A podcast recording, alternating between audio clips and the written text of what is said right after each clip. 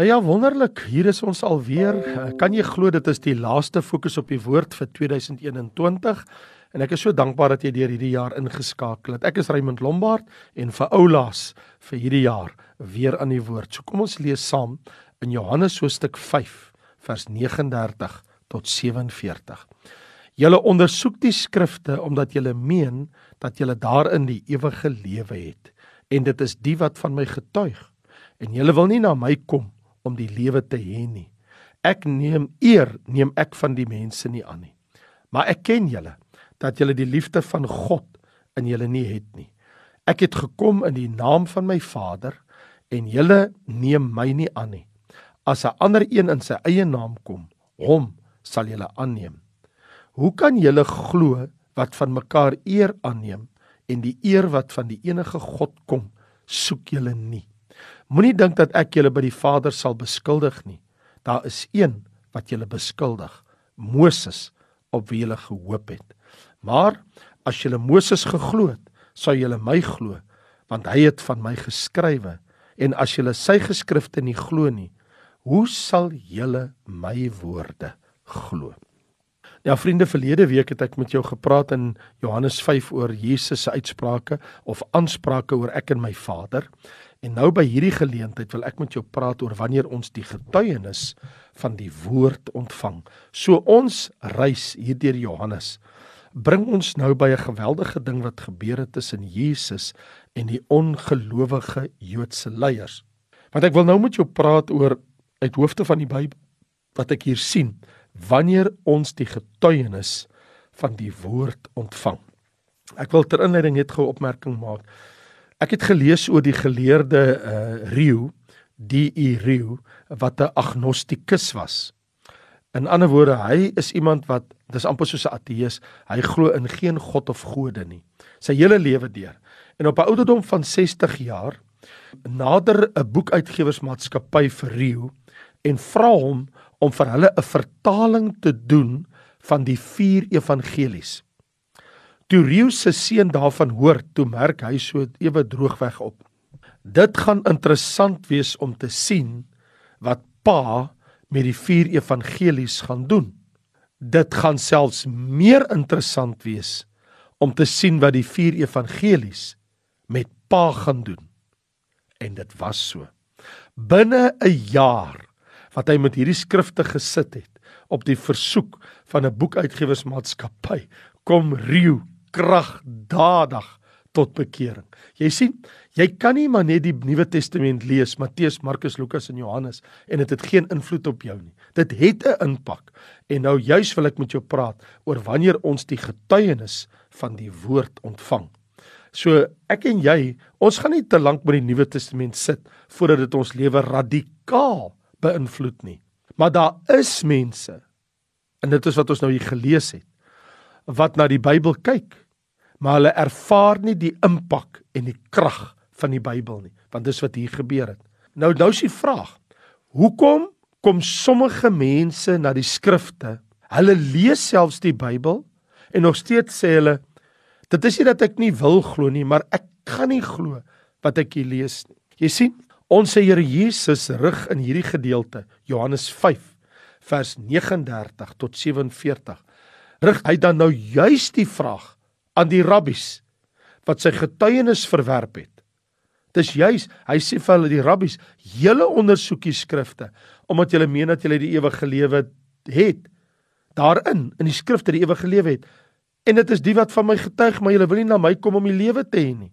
So ons gaan nou ontdek wat die skrifgeleerdes verkeerd gedoen het en wat ons moet doen as ons na die woord van God toe kom.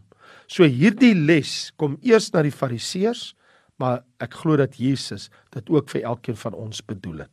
Jy sien, hier is 3 groot probleme in ons skrifgedeelte wat ek wil uitlig. 1.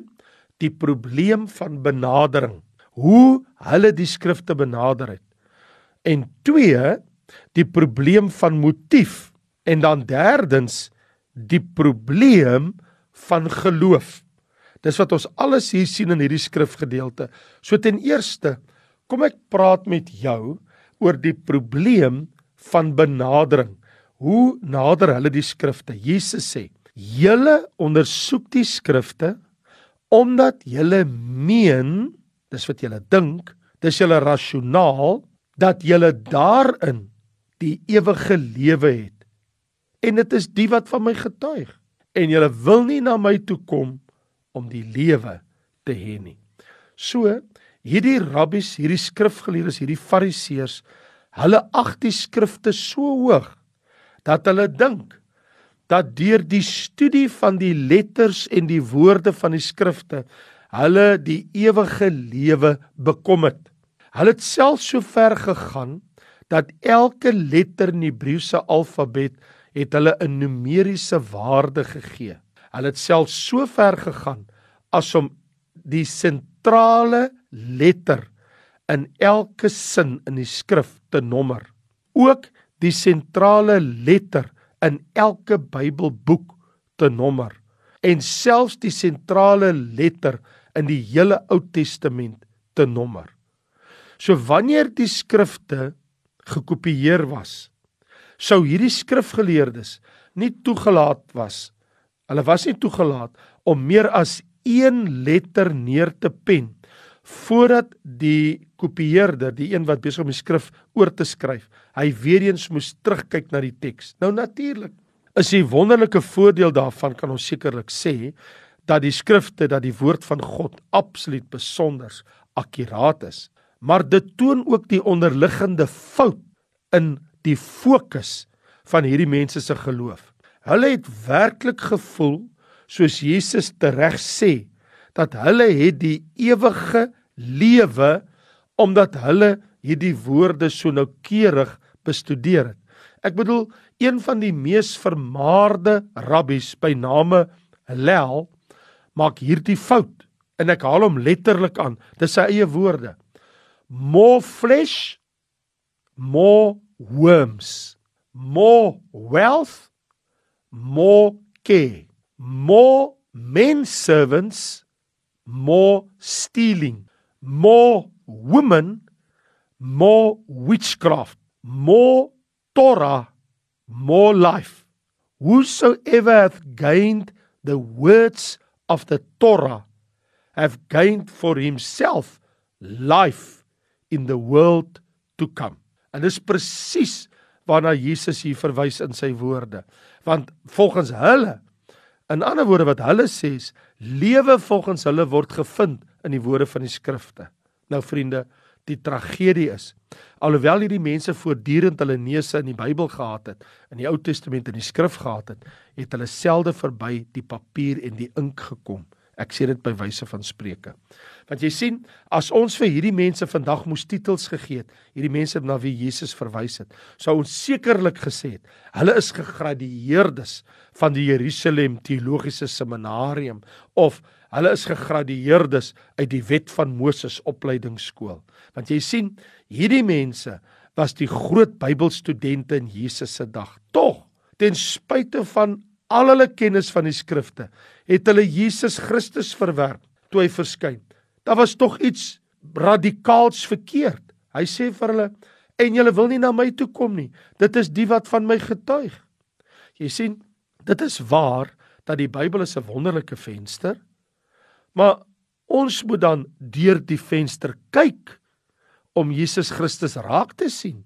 Die Bybel is mos nie die einde in dit self nie.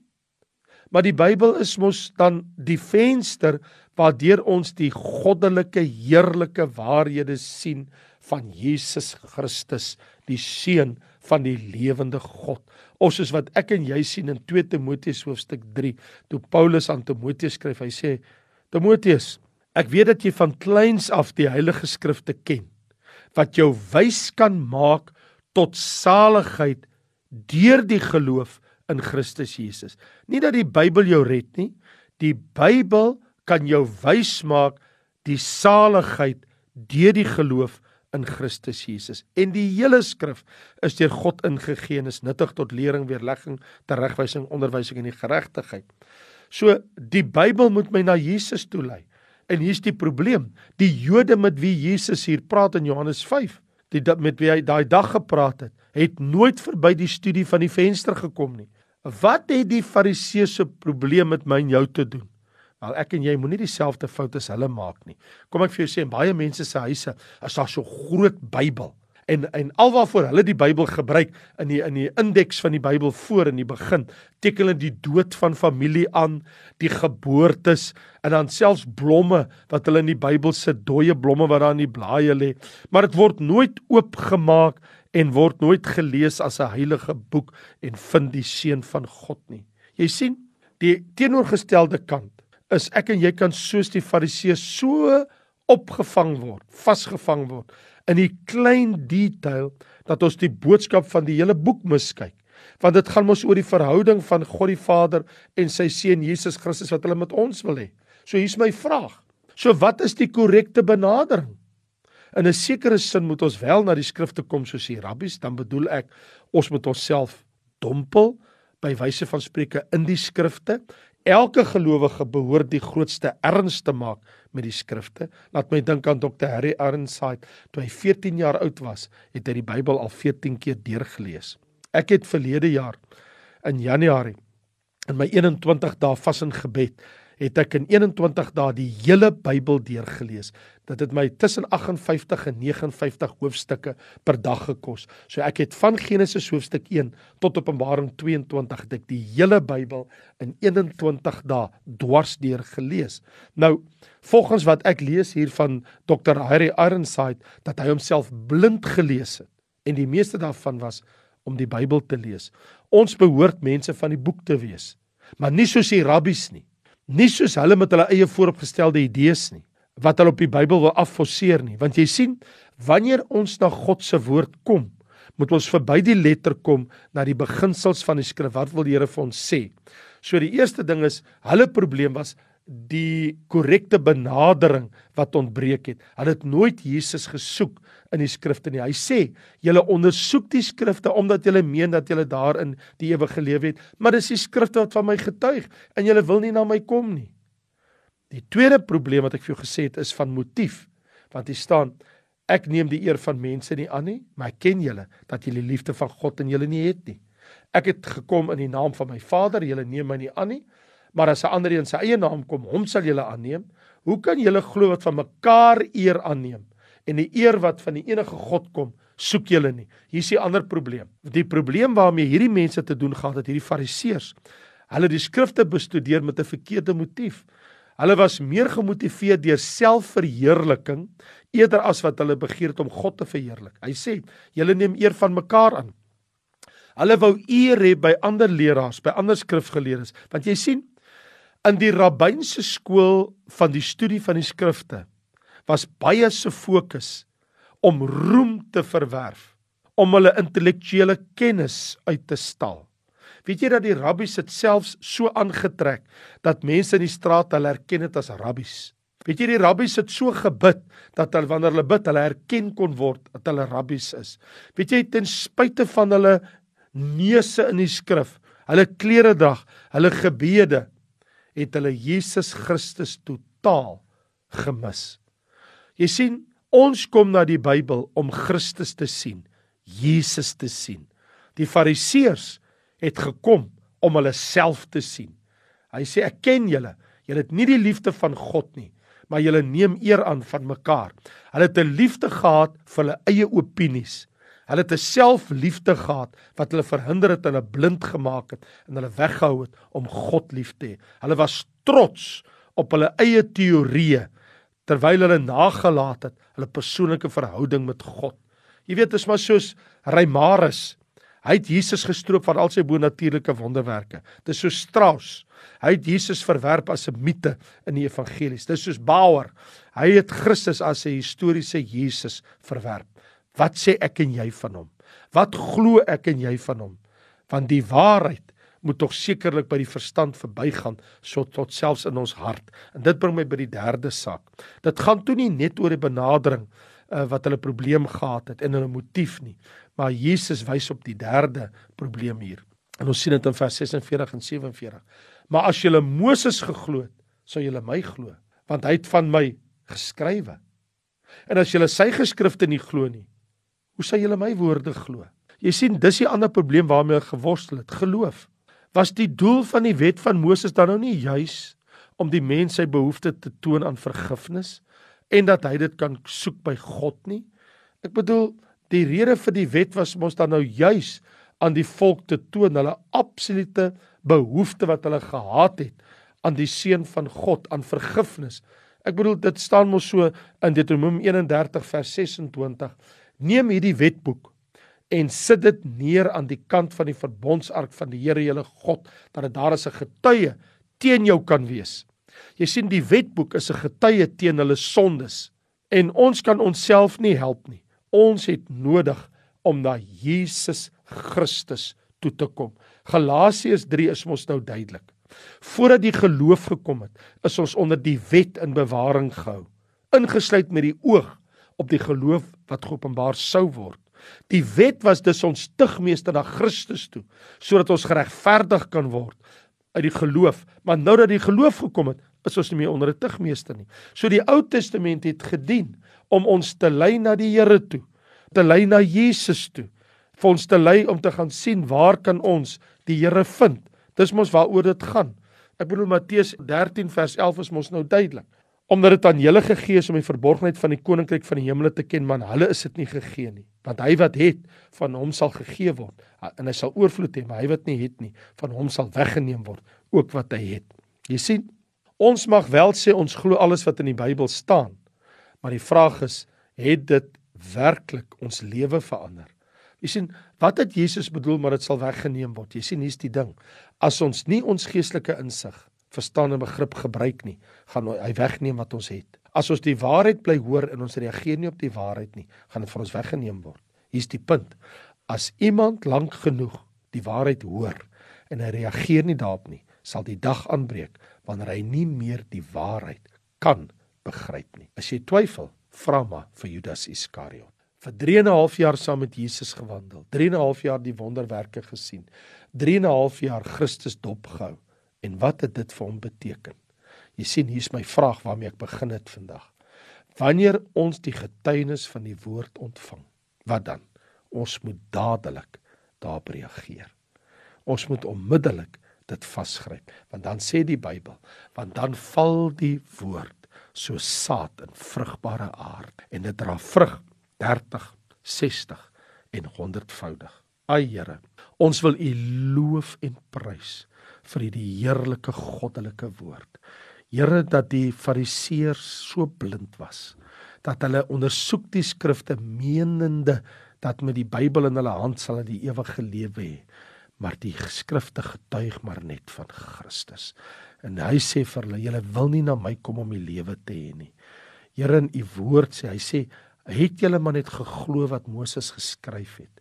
Julle het dit gelees, maar julle glo dit nie want as julle sy geskrifte geglo het, sou julle ook my woorde glo. Here, ons glo die woorde van Moses. Ons glo die geskrifte, maar ons glo ook in die seun van God en dat die skrifte die venster is. As ons in die skrifte gaan, dan kyk ons deur die venster en ons sien Jesus. Ons sien Christus word verheerlik in ons lewe. Dankie Jesus. Amen.